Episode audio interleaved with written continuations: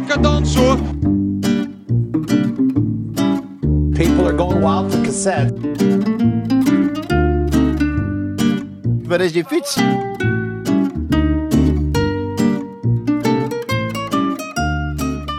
Parijs, Parijs, oh Parijs, de stad van de liefde, maar vooral de stad van de Champs-Élysées, de finish van de Tour de France. De plek waar La Grande Boucle in handen komt van de gelukkigste man op aarde. Je bent pas renner als je de Tour uitfietst, hoor je wel eens zeggen. Et là, une autre saveur. Victoire sur le Tour de France.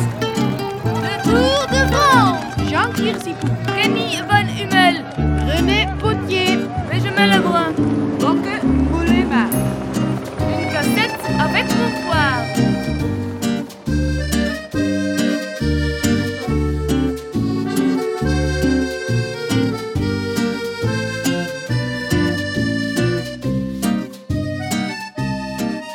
Dit is Cassette Koffiemolen. Korte verhalen en portretten tijdens de Tour de France. Voorbij de koffie, omdat verhalen de koers dragen. Met in deze laatste aflevering het verhaal van Jaan Kirsipou. Er is niemand die zo vaak opgaf in de Tour de France. Jaan Kirsipou ging 12 keer van start, maar Parijs haalde hij nooit. Het wordt in de jaren 90 een vertrouwd beeld. De eerste bergen doemen op en zodra de weg omhoog loopt, staat er een geblokte est naast zijn fiets. Geen pech, geen ziekte, gewoon geen klimmerslichaam. Kirsipou is sprinter en bundelt al zijn energie om daar goed in te zijn. Onder druk van zijn ploegleiders probeert Kirsipou het twee keer om Parijs te halen. Maar in 1993 en 1995 komt hij hopeloos buiten de tijd binnen in een bergetappe. Daarna is hij er klaar mee. Kirsipou wil helemaal niet in Parijs komen. Hij wil winnen.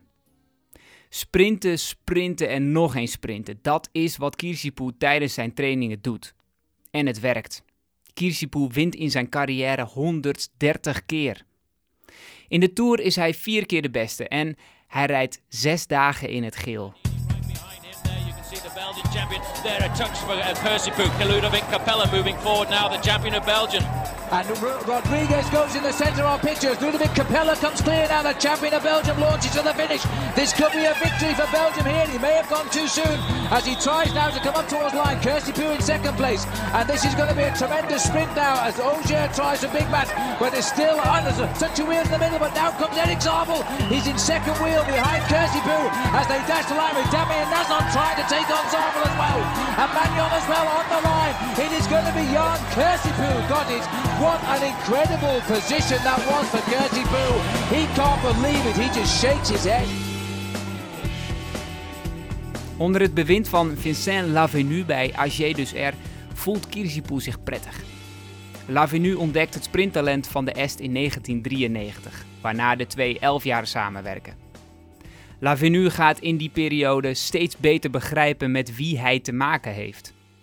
Kirsipou zegt niet veel en is vaak onzeker over zijn eigen kunnen. En dat maakt hem nog stiller. Maar keer op keer laat hij in de sprint zien dat hij bij de beste hoort. En vaak de allerbeste is. Zolang je hem niet opdraagt naar Parijs te fietsen, want je kunt Kirsipou niet onzekerder maken dan met zo'n opdracht, gaat alles goed.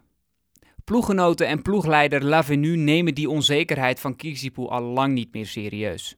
Ze negeren wat hij zegt, brengen hem naar de finale en dan mag Kirsipou het afmaken.